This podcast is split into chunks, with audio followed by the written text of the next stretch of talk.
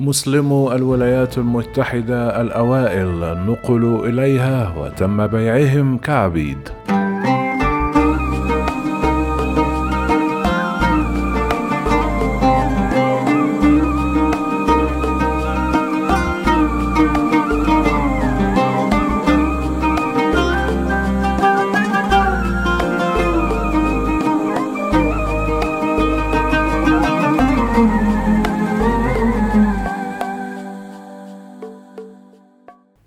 في عام 1807 ألقي القبض على عالم ثري يبلغ من العمر سبعة وثلاثون عاما في غرب إفريقيا فيما يعرف الآن بالسنغال ونقل إلى الولايات المتحدة لبيعه كعبد.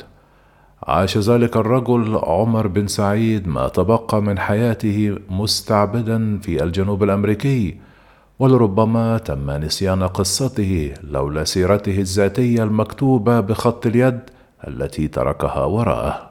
إن قصة حياة عمر بن سعيد المكتوبة باللغة العربية والتي حصلت عليها مؤخرا مكتبة الكونغرس ليست مجرد قصة شخصية مكتوبة بخط اليد عن عبد أمريكي ولكنها أيضا واحدة من أولى الروايات الحميمة للتاريخ المبكر للمسلمين في الولايات المتحدة الأمريكية.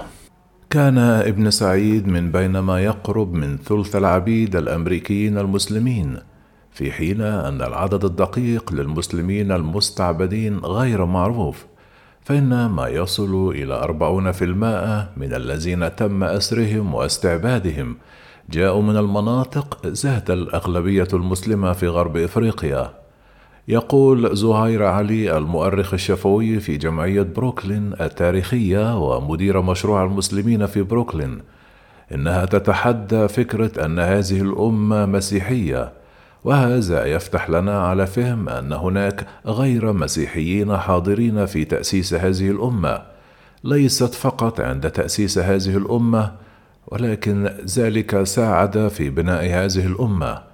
إنه يتحدى فكرة أن هذه كانت عبارة عن أمة مسيحية من البداية.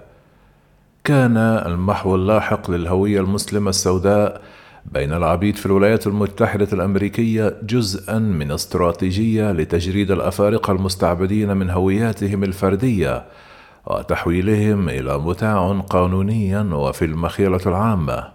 يقول خالد بيضون المؤلف وأستاذ القانون بجامعة أركانساس تم وضع التصنيف الأسود لتمييز الأفارقة المستعبدين كممتلكات. لذا إذا كنت أسودا فأنت لم تعد إنسانا. وإذا اعترفت ببعض هذه الهويات الدينية فأنت بدورك تعترف بإنسانيتها خلال فترة ما قبل الحرب في الجنوب اتخذت الهوية الإسلامية هوية مختلفة تماما عن الصورة النمطية للعبد الإفريقي.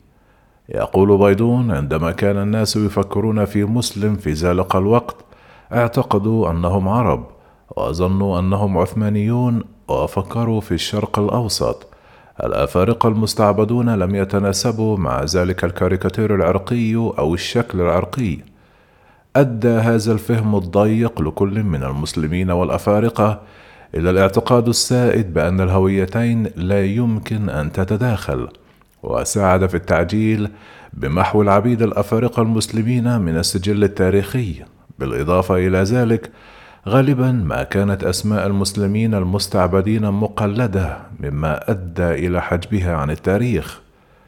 تحدى المسلمون المستعبدون الذين تركوا ورائهم سجلا مكتوبا فكرة أن الرجال والنساء المستعبدين هم قوة عاملة غاشمة قادرة فقط على العمل البدني لأنهم يفتقرون إلى القدرة الفكرية التي تجعلهم يستحقون الاستقلال والحرية.